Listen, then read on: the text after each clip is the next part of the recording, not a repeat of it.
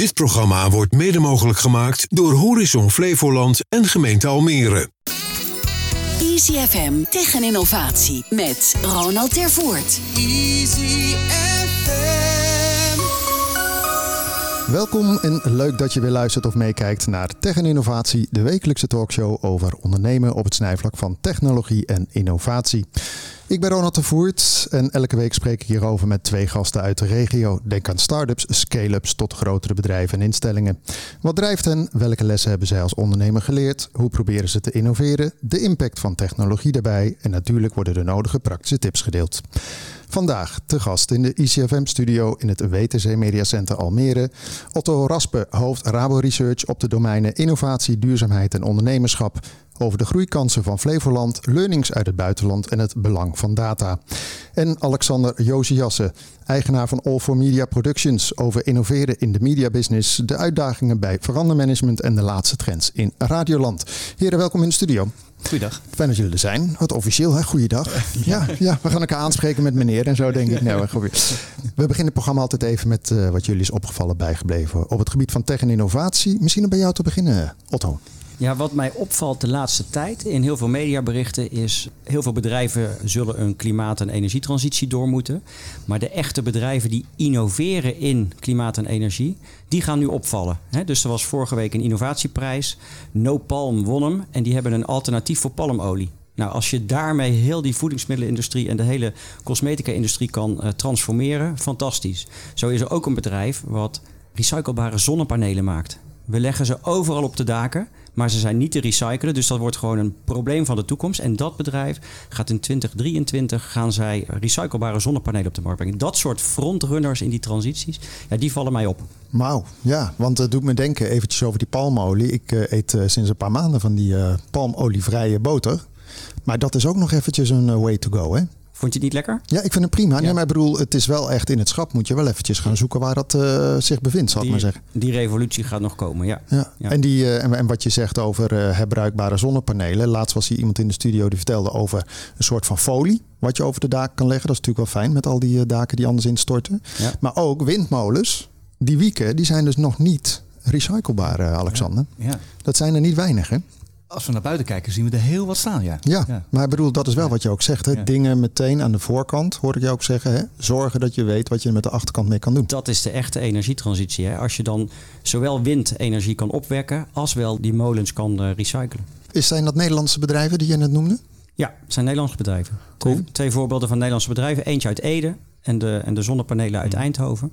En dat zijn ook wel die regio's die een beetje voorop lopen in innovatie. Hè. Misschien komen we daar nog over te spreken. Maar de Brainport Eindhoven, dat ecosysteem en, uh, en Food Valley, Ede-Wageningen. Oké, okay, nice. Wat is jou opgevallen bijgebleven, Alexander? Ja, ik hoorde net heel mooi transitie en uh, innovatie. Dat zijn toch twee dingen die gaan heel erg uh, samen met elkaar. Want het een bereik je niet zonder, zonder het andere. Uh, als ik kijk naar media, is het de afgelopen jaren in een stroomversnelling gekomen waar je eerder vooral technische vernieuwingen had van, van analoog naar digitaal en dat soort zaken. Dat valt voor de consument niet heel erg op. Technisch achter de schermen dus wel. En eigenlijk de afgelopen paar jaar is men in media heel erg gebruik gaan maken van data, research, alle platformen uh, kunnen bedienen vanuit één centrale omgeving techniek aan de ene kant versimpelen voor de gebruiker, maar aan de achterkant het juist technisch mooier of beter, beter gaan koppelen. En ja, dan krijg je meer output. Ik vind, vind op zich innovatie uh, is niet een woord uh, wat je moet invullen als uh, organisatie. Dat je denkt, wij moeten hier innoveren, dus laten we iets bedenken. Het is over het algemeen iets wat workflows moet verbeteren, output moet verhogen, ver, vereenvoudigen, dat soort zaken. Dus, ja, dus eigenlijk al met al zie je steeds meer achter de schermen nu dat de techniek beter gekoppeld wordt. En dat vind ik wel een belangrijke innovatie op dit moment. Ja. Als je kijkt naar die techniek, hè, ik roep altijd ook van het is geweldig dat je steeds meer zelf kan doen. Hè? Alleen als er iets fout is, dan moet je het ook zelf oplossen. En het kan een vinkje zijn wat uh, acht tabbladen naar achteren zit. Het, het vergt wel heel veel van de mensen die ermee aan de slag gaan, dat je echt wel even tijd hebt. Hè? Klopt, uh, je moet meer allround zijn dan vroeger wellicht. Maar kijk even hoe wij er hierbij zitten. Dit is iets dat deed je vroeger met een technicus, met een regisseur, met een producer alles erop en eraan. En, en jij kunt het nu zelf allemaal bedienen. Ja, ik ben het schaap met vijf poten, hè? Dat, eh, dat wist je al, hè? Absoluut. Maar als complimenten. Als we hier statistiekjes bij halen, Ja. dan is digitalisering, is net als bij verduurzaming, zijn de grote trends. Hè? Duurza- verduurzaming en digitalisering. Het aantal bedrijven wat echt significant in hun bedrijfsvoering digitalisering adopteert en zegt van ik ga hier dus met, eh, met research aan koppelen, ik ga hier betere producten op eh, verzinnen, dat is maar 40 procent. Ja. Oh, En dat is eigenlijk weinig, want elk bedrijf van de, elke straathoek van Nederland zou moeten digitaliseren. Ja. en waar ligt dat aan? Dan zijn dat, eh, is dat dat er subsidie-wise toch nog drempels liggen? Of is dat gewoon eh, eigen werk eerst, zal ik maar zeggen? ik denk te weinig in de dagelijkse praktijk van de business opgenomen. Gewoon die, die, je bent je bedrijf aan het runnen. En dat is al complex genoeg. We hadden hele, twee hele complexe jaren. We hebben nu ook wel weer een hele moeilijke situatie. Dan moet je echt van goede huizen komen en, en ook je personeel de vaardigheden laten hebben om dat eh, te doen. Nou ja, daar is personeelstekort ook nog iets. Ja. Eh, Ja. ja. daar zitten hobbels. Ja, ja wij, zien, wij zien in de media ook wel dat het vaak wordt iemand naar binnen gehaald om dan een ja, innovatie te borgen. En dan, dan doet men aan innovatie, dan heeft men er iemand voor. Maar wordt het hele bedrijf niet meegenomen? Dan is er meer een directeur die zegt: Ja, iedereen is hiermee bezig, dus laten wij het dan ook maar doen. We weten het binnen de organisatie eigenlijk niet hoe we dat helemaal moeten doen. Dus we halen iemand van buiten, die maakt een mooi plan. En dan wordt het uitgerold. Dus iedereen die daar werkt, en, en, en in de branche waarin wij dan zitten, radiomakers of tv-makers of noem maar op, die zien ineens een nieuwe omgeving waarmee ze moeten werken. Terwijl ze tien jaar of langer in een andere omgeving hebben gewerkt. Dus zij zijn niet meegenomen in het hele verhaal. Het is niet hun transitie of hun verandering. Dus dan krijg je inderdaad de, de, de, de menselijke factor. Ja, toch een beetje hakken in het zand. Ja. En dat is ook uit een onderzoek, eh, deze week is een onderzoek over gelezen, dat maar 30% van de transities echt slaagt. Oh, dat is, vind ik ook wel heel laag. Ja, en terwijl er heel veel geld in gestoken wordt en iedereen stapt ieder bedrijf binnen en, en men is bezig met innovatie en transitie, maar maar 30% in de media dan, media en events, slaagt echt. Nee, maar dan Dat meteen even een bruggetje richting, richting jouw eh, eh, bedrijf. En dan gaan we het hier ook nog even over hebben. Want je bent eigenaar van All for Media Productions. Ik zeg, je mediabedrijf die zowel aan de voorkant als de achterkant strategisch adviseert en ondersteunt. Dat klinkt niet als een eh, soort van doorsnee mediabedrijf eigenlijk, hè? Correct. Ja, voortgekomen eigenlijk uit, uit een goede 30 jaar zelf in de media actief geweest te zijn. Onder andere Omroep Flevoland hier in de provincie, maar ook RTV Utrecht en, en, en landelijke media zoals eh, nou, Talpa de afgelopen jaren in dienst. Wat ik altijd zelf heel belangrijk vond eh, en nog steeds vind, alles wat je adviseert of wat je in praktijk wil omzetten naar iemand die dat gaat gebruiken, moet je zelf snappen. Ik ben zelf nieuwslezer geweest. Als ik nu een nieuwslezer hoor, dan weet ik in wat voor ruimte die zit, wat voor tools die gebruikt. Als ik een radiomaker hoor achter een, een, een, eh, een, een achter een mengtafel, dan zo'n zo'n studio zie ik voor me. Wat, waar is die mee bezig en hoe moet dat dan werken? En waar raakt zo iemand toch geïrriteerd? Maar ook technisch ben ik eh, actief geweest. Dus eigenlijk alle facetten binnen media zelf doen om het vervolgens als een advies te kunnen uitbrengen en het te kunnen helpen om het in praktijk om te zetten, dus het te implementeren eigenlijk. Dat maakt wel een verschil ten opzichte van, ik denk, menig ander adviesbedrijf. Ja, want je hebt echt gewoon eigenlijk de hele keten heb jij gehad zelf. Maar zit je dan voornamelijk in radio of zit je dan ook nog wel in tv? Radio is wel de basis, of tenminste tegenwoordig audio. Want Ja, dit is ook audio. Het domein Eh, audio. Het domein audio. Alleen ook hier zien we camera's om ons heen. Camera's zijn erbij gekomen. Dus overal heb je ook wel beeld tegenwoordig. En dan is het natuurlijk heel mooi als we hier straks, straks statistieken van eh, zien. Dat we ook de data weer terug kunnen halen. Wat ging er dan goed of wat ging er niet goed? maar die ik- cirkel rondmaken, dat is eh, wat wij doen. ik zag op jouw eh, website zag ik ook staan dat jij eh, klanten hebt en dan ging het ook over Formule 1 TV. Word ik heel blij van. Jou ook van Formule 1, eh, Otto? Ben je geen Formule 1 Ik, gast? ik kijk altijd Formule 1, maar de laatste tijd ben ik, eh, eh, moet ik naar zo'n streamingsdienst. En daar ben ik nog niet zo blij Oh, die mee. met die V, die, Ja. die werkt niet. Nou, je moet gewoon die met die F hebben, die werkt hartstikke Ja, goed. ja, ja, ja. Maar, maar ik zag ook ID&T, ik zag verschillende namen langskomen. Kun je eh, ons even meenemen, want het is een heel divers portfolio. Ja, het is heel breed. Eh, we hebben eigenlijk twee ja, basisactiviteiten. De ene is echt technisch. Eh, wat ik zeg van, van er kunnen studio's vernieuwd worden, er kunnen technische vraagstukken, infrastructuur. Dan komen we vaak binnen op de techniek. En dan kun je apparatuur leveren of een, een, omgeving leveren en implementeren. En vaak proberen we daar vandaan dan, maar wat ga je er nou mee doen? Een mengtafel kopen om alleen maar iets mee op te nemen is leuk, maar waar gaat dat product heen? Wat wil je dan bereiken? Wat moet de conversie zijn? Wat ga je ervan leren? Omgekeerd komen we ook vaak binnen met de vraag, eh, dat was zo'n IDT-vraagstuk, Q-Dance, het grootste hardstyle label wereldwijd. Nou, dat verkoopt een aantal tickets per jaar en eh, hebben 25 evenementen per jaar ongeveer. De fase dat wij daar binnenkwamen was het echt van oké, we, we denken dat we aan het maximum van ons ja, omzet zitten van de business. En de business was op dat moment tickets en bier. En dan zetten we mensen, heel veel mensen op een uh, grasveld in Biddinghuizen. En die gaan op hardstyle dansen. En dat doen we in x aantal keer over de hele wereld. Nou, daar zijn we gaan kijken van, maar wat zit er dan meer in? Kun je iets met online?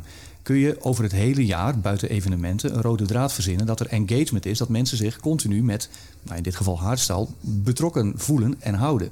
Nou, daar is kort gezegd Q-Dance Radio uit voortgekomen, want dat kun je altijd luisteren. Die streamingdienst is er altijd. We hebben gezorgd dat de merchandise eigenlijk altijd beschikbaar is. Niet alleen als een webshop, maar ook op het evenement. Als je daar rondloopt, dat je eigenlijk kunt zeggen: Nou, ik koop nu een t-shirt, maar ik wil ook nog een, een, een hoodie thuis laten bezorgen. Daar ga je niet drie dagen mee rondlopen. Dus dat reken je af en wordt opgestuurd. Dus we hebben een aantal businessmodellen eigenlijk daarbij gedaan. Plus dat er, um, als je nu kijkt naar het, uh, het hele platform van IDT, je hebt nu Q-Dance Network. Nou goed, je kent Talpa Network ook. Dat verbind je eigenlijk alle business units.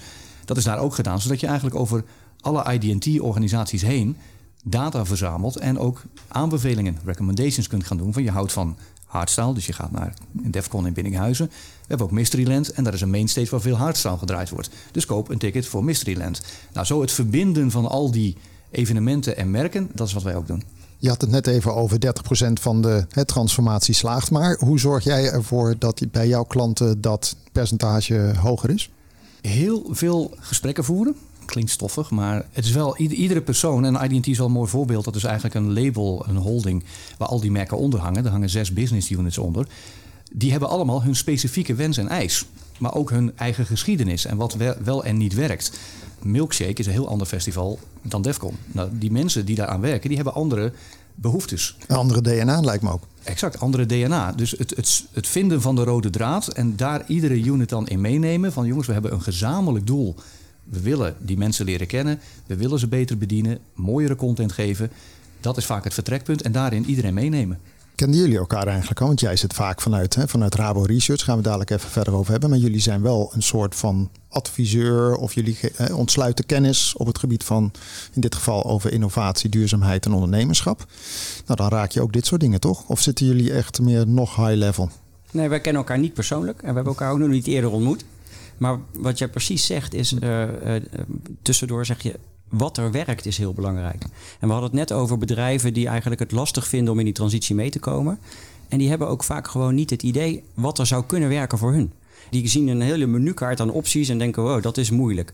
En als het nou bijvoorbeeld de MKB'ers zijn, ook hier in de regio, die meegenomen moeten worden in verduurzaming, digitalisering, breng ze bij elkaar en stel de vraag: wat werkt er? Zet mensen op het podium die het kunnen uitleggen. En dan gaat volgens mij zo'n peloton, wat een beetje achterblijft, langzaam in beweging komen. Dus vooral goede voorbeelden hebben met echt concrete handvatten te gaan. Ja. Okay. En, en, jouw bedrijf richt zich specifiek ook op die doelgroep om, om ze daarin te adviseren. Maar in een breder uh, verhaal zou je dus gewoon evenementen hier moeten organiseren rondom die, deze vraagstukken. Nou, we, we, doen het ook breder hè, dan alleen radio of televisie. IDT is, uh, is, is evenementen uh, vooral. Je noemde al Formule 1. Daar hebben we echt een datastrategie gedaan. Voor, uh, ze hebben venues waarin je kunt simracen. Van wat voor mensen komen nou simracen? Wat doen ze dan nog meer? Gaan ze dan naar Zandvoort? Of is het puur een, een, een e-sport iets wat ze doen? Ja. Dus de reden zoeken waarom mensen naar zo'n F1 Racing Center in Utrecht bijvoorbeeld komen. Ja, dat, dat wil je weten. Want dan, dan kun je ze namelijk beter gaan begeleiden en, en een hogere engagement met die mensen krijgen. Zeker. Dat is bij ieder bedrijf anders. Maar doen jullie ook, hè, want uiteindelijk is dit inderdaad van hoe maar, hè, waar willen we naartoe? Hoe komen we er met z'n allen? Maar uiteindelijk kan dat heel breed gaan. Je kan ook gaan adviseren hoe je de hele social media strategie moet gaan doen om uiteindelijk de puntjes op de i te zetten. Maar dat lijkt me net te ver voor jullie, toch? Ja, uiteindelijk moeten mensen het wel zelf doen. Je kunt alles adviseren en ze bij de implementatie helpen. Maar als je echt op hun stoel gaat zitten, dan gaan ze het nog steeds niet zelf doen. Want op een gegeven moment ga je een keer weg. Je kunt niet eeuwig aan een bedrijf betrokken blijven. Dus je moet een keer weg. Dus die mensen die het dan overnemen, moeten wel volledig doordrongen zijn van het nut en noodzaak wat zij dan moeten gaan doen. Dus als je, als je het zelf gaat doen, je kunt helpen natuurlijk. Er zit een overdrachtsmoment dat je zegt, nou, wij, wij helpen jullie nog heel even of er moet nog wat aangepast worden. Maar het blijven doen als bedrijf voor een bedrijf is niet gezond, vind ik. Maar met hoeveel mensen doe je dit eigenlijk? Want dat doe je vast niet in je eentje. In, basis doe ik het alleen, maar we werken met mensen uh, om ons heen. Uh, er zitten ook wel een paar wellicht bekende uh, tussen uit de media voor jou. Echt een transitie, als het een zware transitie is, hebben we bijvoorbeeld Edwin Valent. We zitten nu in een traject voor een, voor een Belgische grote omroep. Dat bestaat uit een stuk techniek. Dus een bedrijf die heeft nu 52 verschillende tools om uh, nieuwscontent te produceren. Dat leek nou, ons, lekker, uh, lekkere hoeveelheid. leek ons een beetje veel, maar door de jaren ontstaan. Dus daar zijn we nu een scan aan het maken van hoe breng je dat dan terug naar één, één of minder omgevingen dan nu. Waarbij de output hoger wordt, het fake nieuws gedebunked kan worden en noem alles maar op, dat die doelen gehaald wordt. Daarnaast hebben we uh, Bart-Jan Kuhne bijvoorbeeld, nieuwslezer ook van uh, NOS op 3 en, en Talpa geweest. Die kijkt echt naar de inhoud. Dus die kijkt bij deze klant mee naar de inhoud van wat produceer je nou aan nieuws, hoe moet dat klinken en eruit zien en, en leesbaar zijn. En Edwin doet daar de transitie. En ik zit op het techniekstuk. Dus het, het, zijn eigenlijk drie silo's die we dan uh, daar voor die omroep gezamenlijk doen. En het transitiestuk komt eigenlijk daar pas als je je doelen bepaald hebt als omroep. Van oké, hier gaan we heen.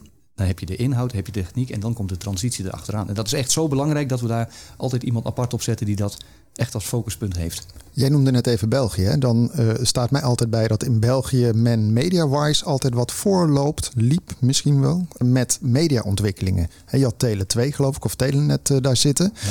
Hoe, hoe, doen wij het als Nederland versus België? Lopen ze nog steeds een beetje voor? Want bij e-commerce lopen ze achter. Als ik naar de huidige situatie kijk, en dat zie je ook wel terug in Nederland, kijk eens om je heen hoeveel Belgische bedrijven er in controle zijn over Nederlandse media. Ja, dan komen we op, uh, op DPG, hè? Ik bedoel, onder andere. DPG, Mediahuis, is ook een hele grote. Die heeft radiostations, heeft ja. tv, heeft de Telegraaf. Heel veel bedrijven zijn, uh, zijn in Belgische handen. Maar als je zegt, klopt, ik, ik, werk veel voor Belgische opdrachtgevers op dit moment, zowel commercieel als, als publieke omroepen en ook een evenementenorganisatie.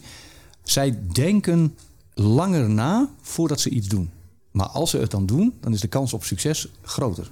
Merk je dat ook, uh, Otto, vanuit jouw perspectief? Nou, als je mij de vraag stelt, hoe doet Nederland het op innovatief gebied? Dan valt in de Nederlandse economie op dat wij echt een diensten-innovatie-economie hebben. En die maakindustrie, die tech-industrie, die is, hoe belangrijk ook, relatief klein. En die is ook heel erg geconcentreerd in een paar regio's in Nederland. Maar over het algemeen, als je zegt van zijn bedrijven nou veel aan het investeren in innovatie via research en development, de private kant, ook in deze regio, onder het Europees gemiddelde. En daarmee uh, doe je wel weer heel veel aan diensten en heel veel ander type innovaties, procesinnovaties, maar niet die techkant. En hoe kan dat dan? Het zit langzaam gegroeid in onze structuur van de economie. He, de, de, we hebben dat niet zoveel. En we zien dat we ook wel op een aantal transities een aantal slagen hebben gemist. Dus we hebben aan de voorkant over de toekomst weinig nagedacht en daarin nu geïnvesteerd. Maar dat is een beetje wat eigenlijk Alexander zegt. Ze eh, even platgeslagen. De Belgen denken iets langer na en wij zijn misschien iets meer van het doen. En vervolgens is het van, oh ja, waar waren we ook alweer in het bos? Ja, wij uh, zouden wat strategischer kunnen nadenken over uh, hoe die toekomst eruit ziet en wat je dan nu zou moeten doen. Dat vind ik eigenlijk best wel een stevig punt wat je maakt. Ja. ja, toch? Maar, ja, en, maar ik baseer me bij dat punt ook wel gewoon op de statistieken. Waarbij je ziet dat uh, hoeveel bedrijven zijn nou bezig met die echte verduurzaamheidsslag. Nou ja, toch nog relatief weinig. Er is, we hebben de Nederlandse economie hebben we een rapportcijfer gegeven, onderzoek gedaan. Toekomstbestendigheid rondom duurzaamheid en diversiteit en inclusiviteit. Rapportcijfer, alle bedrijven in Nederland als, als representatief, een 5,8. Nou, gemiddelde scholieren, ze doen nu examen. Als ze allemaal een 5,8 uh, hebben, dan, dan juichen ze.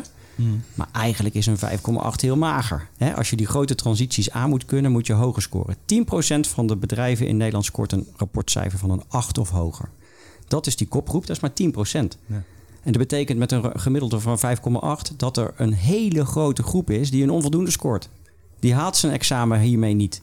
Nou, dat moet nog helemaal in beweging komen. Nou, dat is een hoop werk voor jou, Alexander. Ik hoor net een hoop uh, potentieel. Je moet weer uh, terug naar kantoor. Ze ja, staan voor de deur. Snel weer verder. maar, maar, zit jij nou ook veel op data? Hè? Want uh, jij en ik hebben allebei een achtergrond in media. En wat mij toch vaak nog opvalt is... natuurlijk heb je de streamingdiensten, dat soort zaken. Maar men is goed in content brengen. En data is leuk, zolang het maar niet vertelt wat je niet wil horen. En het is toch een, een, een, een ja, een beetje een bedreiging, heb ik het idee. Hoe, hoe, hoe voel jij dat? Ja, er zit wel een verschil in aan, aan wie het vraagt binnen de media. Als ja, de CTO die uh, zal er heel blij mee worden. Maar, ex, exact. En marketingmensen ook. En een programmaleider ook nog wel. Maar als je een radiomaker, een, een discjockey, vraagt van hoe belangrijk vind je data? Helemaal niet. Die gaat over zijn programma. Die wil een leuk programma maken. Die wil respons van de luisteraar. Een belletje, een appje of wat het ook mogen zijn.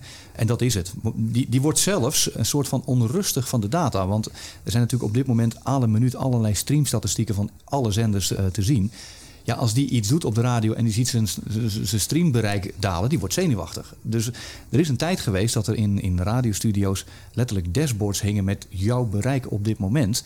Ja, dan zie je dat natuurlijk als zo'n curve gaan en dan zie je dat de disjockey voor jou beter scoort. Ja, daar word je zenuwachtig van. Dus, dus dat soort dingen moet je dan niet doen. Hè, want uh, media, radio is ook een heel stuk emotie. Dus je moet die mensen hun ding laten doen. Maar het sturen op van welk item op welk radiostation scoort wel en niet, dat haal je uit de data. En een sponsor, ja, die wil alleen maar aan items hangen die wel scoren. Dus en radio is ook nog een keer slow business, hè? roepen we toch altijd. Dus, dus je moet niet te snel naar die actuele data gaan lopen kijken. Maar als je dan toch daarover hebt, dan, want je hebt dan een tijdje bij Talpa gezeten. Hè, die hebben Duke, weet je, dat is toch echt eventjes een groot platform kun je het omschrijven als een soort van uh, radioplatform, ook met podcast. Hè, alles eromheen. Ik geloof dat zelfs video nu ook uh, komt.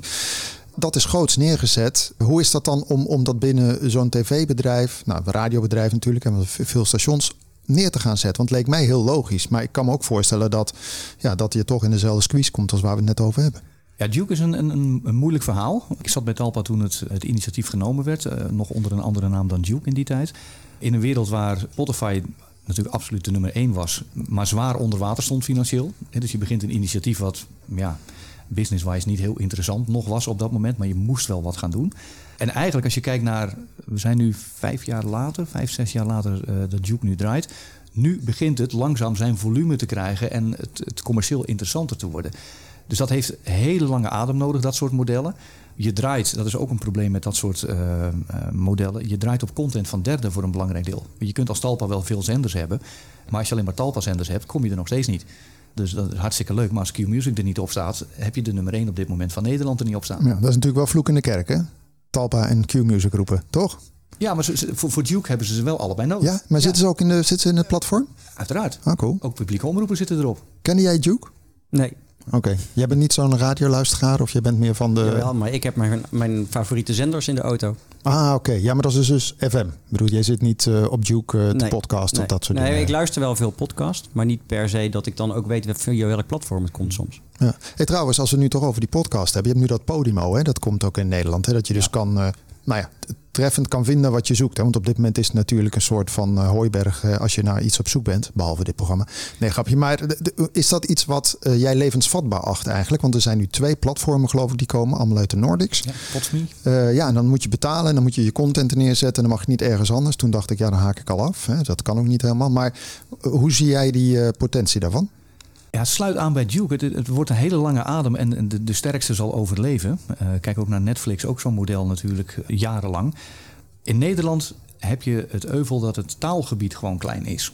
Als je Podimo Engelstalig bekijkt, ja, dat kunnen een grote, grote afzet. En, en als wij dit programma in het Engels doen, dan gaan er ook mensen in, in, in Frankrijk bijvoorbeeld naar luisteren. Nu niet. Dus het taalgebied is klein. De betaling daarentegen, zolang er goede content of merendeels van de content gewoon gratis te krijgen is, gaan wij als Nederlanders niet betalen over het algemeen. Tenzij het bijzonder unieke content is wat er gegeven wordt. Nou, daar zullen ze aan moeten werken. Het zal hele unieke content moeten zijn.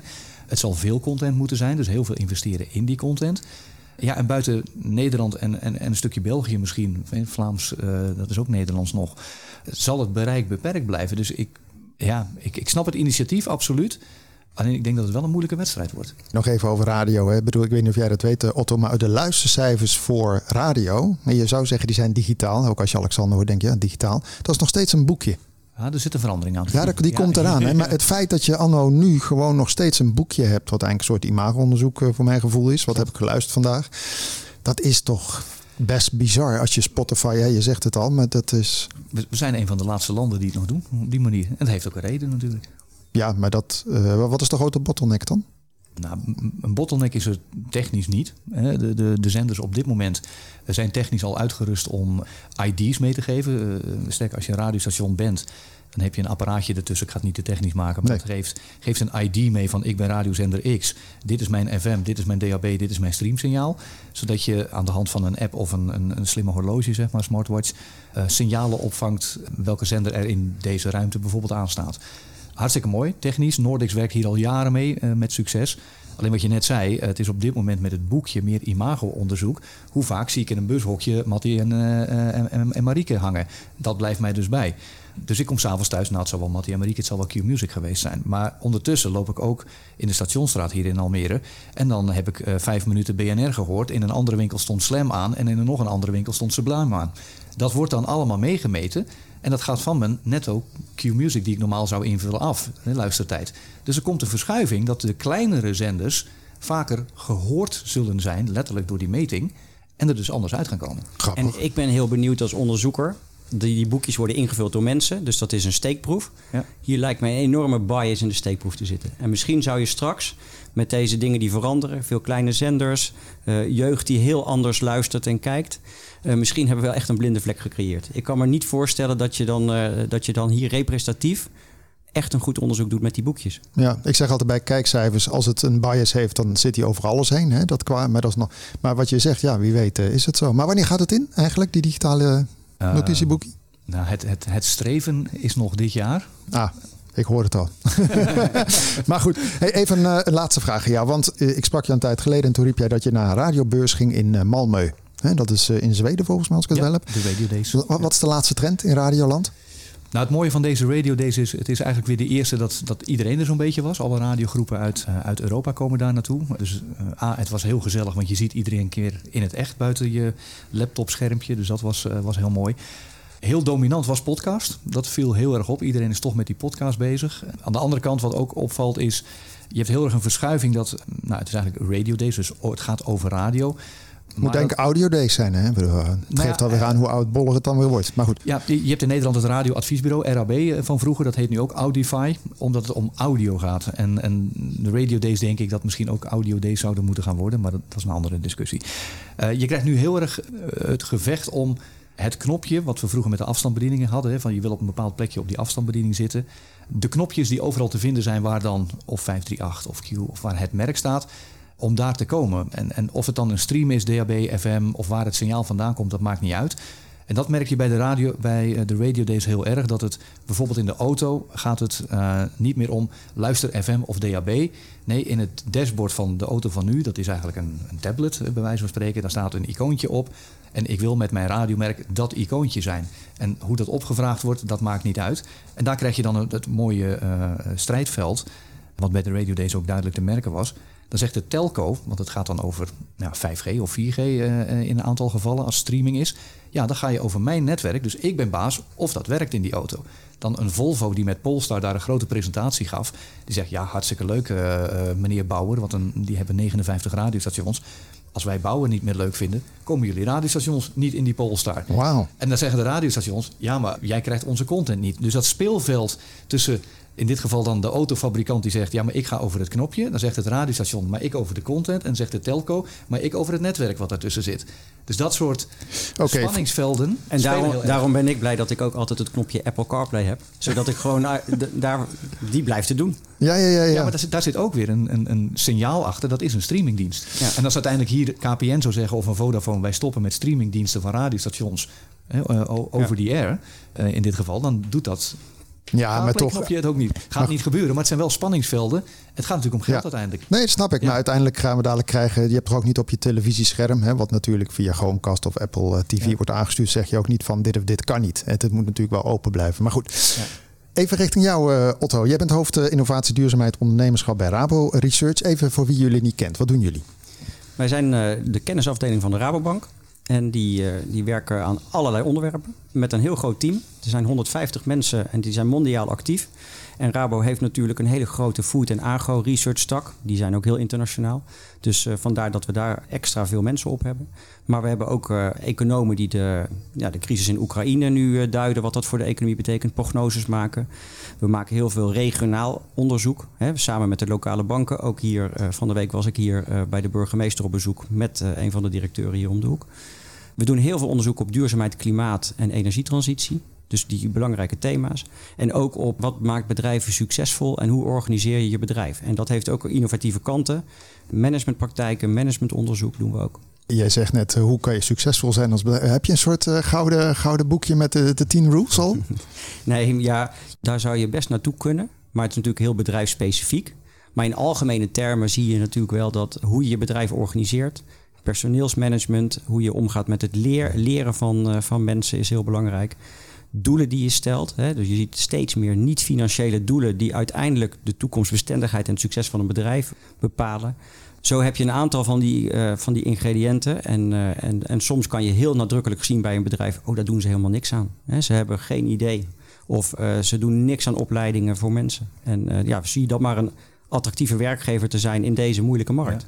Eigenlijk krijg je een beetje de menselijke maat terug. Hè? Dus we gaan niet sturen op cijfertjes, maar sturen op gewoon we gaan dit maken met z'n allen. Of hè, een beetje dat. Weer. Nou, die menselijke maat die zie je eigenlijk bijna overal in de maatschappij als een hele grote behoefte die mensen zelf aangeven, maar ook bedrijven die de menselijke maat hanteren. Ja, die zijn uiteindelijk veel succesvoller. Ja. Ja. Hey, want we hadden het net even over data. Hoe, hoe vergaren jullie al die informatie? Ga je zelf onderzoeken doen? Uh, doe je field research? Nou, je zult waarschijnlijk ja. heel veel doen. Maar... Ja, we hebben heel veel data. En we hebben data van de bank zelf. Dat zijn onze transactiedata. Dus wij weten alle transacties financieel mensen en bedrijven, uh, daar kunnen we ook onderzoek mee doen. Heel geanonimiseerd natuurlijk, hè. dat is een enorme compliance ja. achter. Dat is onze eigen bron bijvoorbeeld, maar wij hebben heel veel data gewoon publiekelijk van uh, Centraal Bureau voor de Statistiek. En wij doen heel veel data uit uh, surveys. Dus wij zetten eigen enquêtes op. En dat doen we met enquêteurs. Mm. die, wordt, die, die huurt Rabo dan in. En daar krijg je ook heel veel data uit. En een vierde bron is eigenlijk, wij doen heel veel dialogen. Dus we hebben ook in deze regio, in de metropoolregio Amsterdam, en dat, ik vind Almere de metropoolregio Amsterdam, hebben wij digitale dialogen gedaan vorig jaar. Hebben we een paar honderd mensen aan tafel gezet, digitaal, gevraagd wat speelt er hier in de regio, waar, waarvan jij vindt dat er uh, beleid op moet worden gevoerd. En die mensen hebben allemaal inputvelden ingetypt. En ze hebben elkaar ook gewaardeerd en gereageerd. En dan krijg je binnen de kortste keren duizenden reacties. Nou, die kunnen wij dan weer analyseren. Dus, dus ook een gesprek is een digitale dia, is een digitaal Absoluut. medium. Als je even kijkt dan naar hè, de MRA. Je kunt het ook metropoolregio Almere noemen trouwens. Dat is leuk voor jou als inwoner ja. natuurlijk. Maar hoe doet deze regio het? Want je had het al eerder over dat er grote verschillen zijn. Dan hadden het natuurlijk over de innovatie, innovatieve gehalte van bedrijven. Kan je een beeld schetsen? Ja, de metropoolregio Amsterdam is groter dan de stad Amsterdam. Het zijn 23 gemeentes bij elkaar. Is de economische groeiregio van Nederland gebleken de afgelopen 25 jaar. Dus die economie die is hier als een tierenlier gaan groeien. Het is het voorbeeld van wat we ook wel in de, in de wetenschap noemen de triomf van de stad. Die, deze regio is super belangrijk geworden. En tegelijkertijd zie je wel dat er een toenemende ongelijkheid is in het speelveld. En dat wat we ook wel noemen de brede welvaart. Is die welvaart nou terechtgekomen bij iedereen? En is die welvaart ook verdeeld over economie, sociaal en, en milieuaspecten? Dan zie je dat deze regio onder het Nederlandse gemiddelde zit. Dus er is wel nadrukkelijk hier op, op het niveau van de regio een grote opgave om de economie te transformeren in een richting waarop het kompas door de brede welvaart wordt bepaald. Dus wij moeten hier echt wel aan de bak. En daardoor dat wij ook de afgelopen tijd met allerlei stakeholders hier vanuit een onderzoek wat we bij Rabo Research hebben gedaan met en voor de bank in de MRA, allerlei coalitiepartners uh, benaderen. Ik was van de week hier in Almere bij Windersheim voor een gesprek. En die zeggen eigenlijk, ja, dit is de juiste toon om het debat te voeren en wij doen met jullie mee. En zo hebben we grote bedrijven, kleine bedrijven, overheden allemaal benaderd van wij moeten in deze regio met elkaar een andere koers gaan varen. Maar dat is wel heel mooi, hè? want jullie uh, signaleren iets en zeggen niet hier is het rapport en uh, doe er iets mee. Maar je gaat ook echt actie ondernemen om vervolgens het te realiseren waar je van zegt dat zou moeten gebeuren. Ja, en het mooie vind ik van werken voor Rabo Research is dat als uh, we ongeveer met kerst terugkijken, is wat is er allemaal gebeurd. En niemand weet meer exact dat wij dat hebben geïnitieerd. Dat maakt mij niet uit. Het gaat hier om het resultaat en het succes van deze regio. Maar uiteindelijk moet het ook ergens uh, bekostigd worden. Hè? Stel je voor dat uh, Alexander van een van de partners zou zijn. Uh, die kan zijn tijd en energie erin steken. Maar uiteindelijk zie je toch ook dat er vaak vanuit de overheid een soort van prikkel moet komen in subsidies. Is dat ook iets waar jullie je mee bemoeien?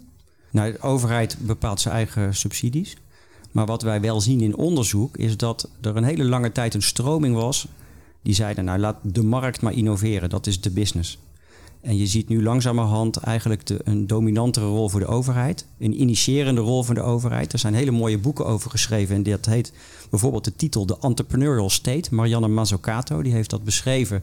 En die zegt eigenlijk als je terugkijkt naar de grote innovaties... die bijvoorbeeld in Amerika hebben plaatsgevonden bij Google en bij Apple... En, uh, dan zat er in het begin altijd een hele sterke overheid. Die heeft gesubsidieerd, geïnitieerd, geïnvesteerd... En je ziet dat die innovatieprocessen eigenlijk niet meer door een bedrijf alleen worden kunnen gedaan. Of door een overheid alleen. Maar dat die overheid daar wel een aanjagende rol heeft. Dus je ziet ook hier op het niveau van de lokale overheid, gemeente en provincie.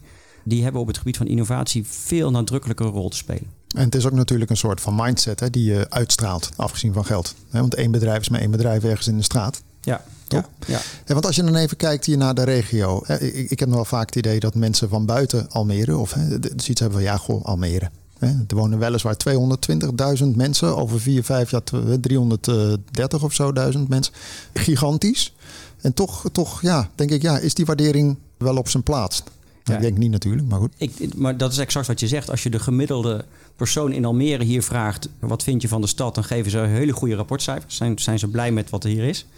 En ze hebben natuurlijk ook altijd weer wat, wat te zeggen erover. Ja, maar dat zijn Nederlanders. Dus, altijd, hè? En als je gemiddeld iemand elders in Nederland vraagt naar Almere... dan krijg je een beetje dat, uh, dat verhaal van... Nou ja, maar onbekend maakt onbemind.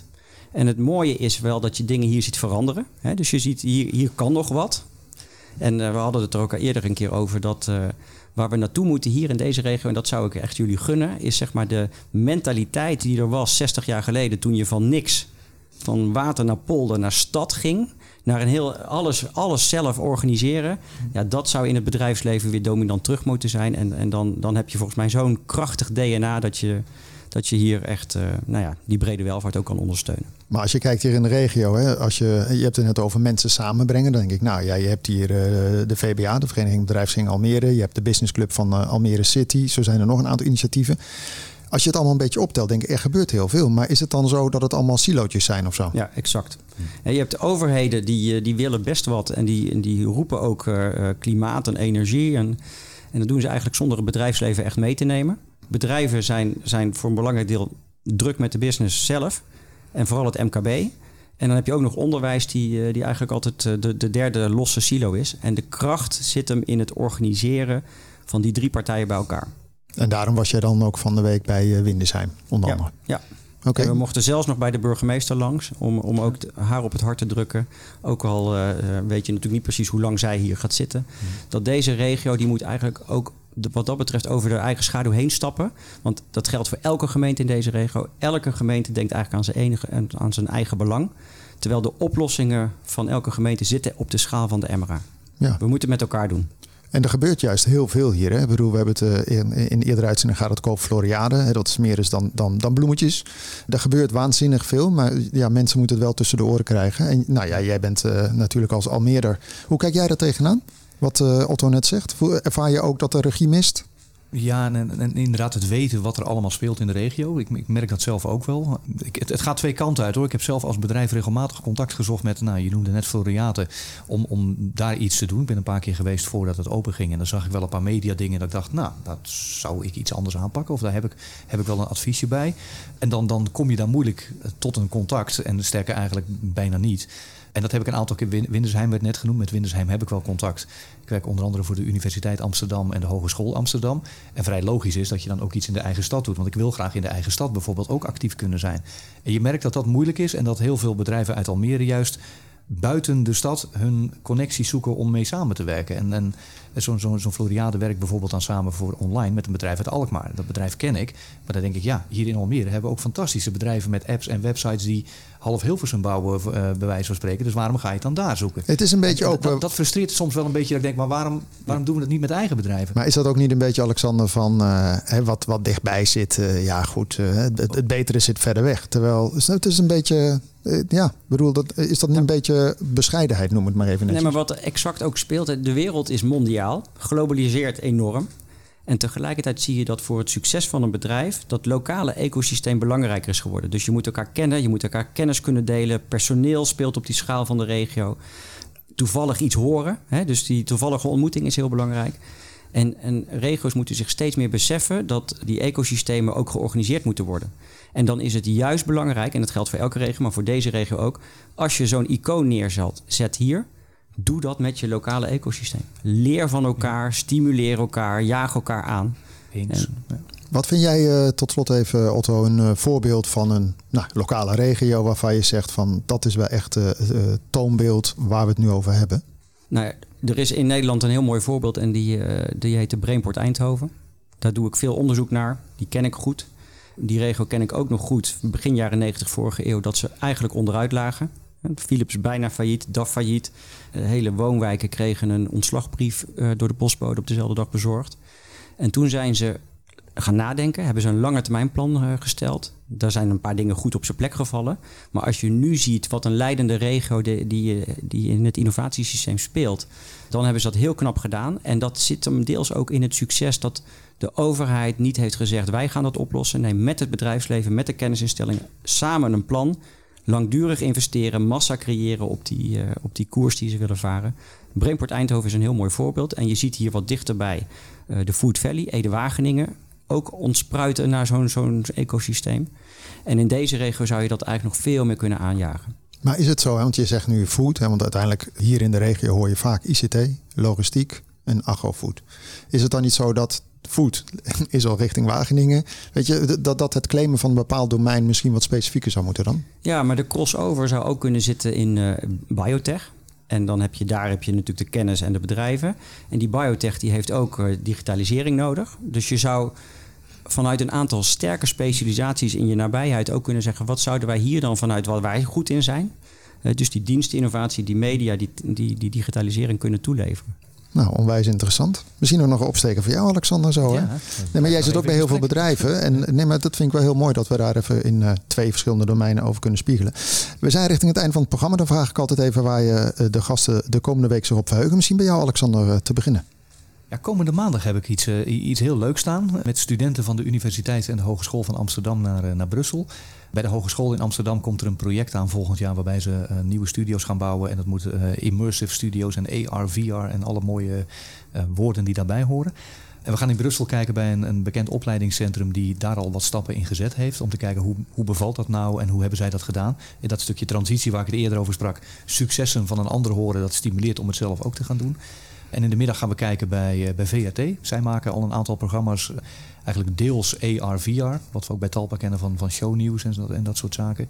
En daar kunnen we echt bij een programma zijn wat op dat moment live gedaan wordt. Dus dat is heel erg leuk. Dat is met, uh, met tien studenten. Dus dat is, vind ik ook leuk. Ze jonge mensen, lekker enthousiast. Omarmen die techniek natuurlijk. Dus dan heb je die strijd van dit is nieuw, dus dit, je komt van iets ouds. Heb je niet. Dus dat, ja, dat wordt een bruisende dag. Dus daar kijk ik, kijk ik heel erg naar uit. Maar toch ga je weer naar België toch weer naar ja. Toch? Ja, ja, je zou ook kunnen zeggen, bedoel, maar dat is toch mooi dat daar uh, toch een stukje voorsprong nog ligt. Kijk, uiteindelijk zit Luxemburg de oorsprong van tv. Maar goed, zo'n uh, zo'n alleskunnende studio met AR, VR. Het is, uh, gebruik jij dat soort dingen wel eens trouwens, Otto? Gewoon dat je ergens staat en dan op je telefoon een, weet ik veel, AR-dingetje die kant op. Of dit is gebouw X? Nog weinig. Maar, maar wat, ik, wat ik wel altijd doe is als ik rondloop en ik wil informatie hebben over wat ik zie en al is het al van, hé, hey, dat is een huis die staat te koop, dan kijk ik wel meteen even natuurlijk of ik ja. dat uh, terug kan vinden. Oké, okay. ja, want dat heeft ook een lange incubatietijd eigenlijk, hè? dat hele AR. Eigenlijk is dat Snap en zo natuurlijk allemaal, ja. maar goed. Andere discussie. Waar vul jij op uh, komende week, Otto? Nou, wat ik vooral leuk vind is, er gaan uh, drie nieuwe mensen in mijn team starten. En we hebben enorm recruitment moeten doen. Hè? Een heel lang HR-proces, gesprekken en eindelijk gaan ze beginnen. En eindelijk gaan we ook weer allemaal dat op kantoor doen. Hè? Bij, bij Rabobank hebben we twee jaar lang bijna volledig thuis gewerkt. We zijn nu een aantal maanden uh, hybride aan het werken in de zin dat je twee dagen naar kantoor gaat en drie dagen thuis. Maar juist weer zo'n nieuw team opbouwen, nieuwe mensen onder, en, en, en ja, ze, ze, onderdeel maken van de cultuur van en de werkwijze, daar heb ik veel zin in. Ja, dat is ook mensenwerk uiteindelijk. Waar zitten jullie eigenlijk uh, gestationeerd? Research in Utrecht, naast het station, die twee hoge torens. Oké, okay, interessant. Otto Raspe, hoofd Rabo Research Regio's uh, Innovatie, Duurzaamheid en Ondernemerschap. En Alexander Josiasse, eigenaar van All for Media Productions. Uh, onwijs uh, bedankt voor jullie komst naar de studio. Ik hoop dat, het, dat ik een goed rapport zei voor je krijg, Alexander. Maar dat doen we Zeker. natuurlijk na de, na de opname. Um, ja, ik bedank jou voor het kijken, dan wel het luisteren. En graag tot volgende week. Dit programma werd mede mogelijk gemaakt door Horizon Flevoland en gemeente Almere.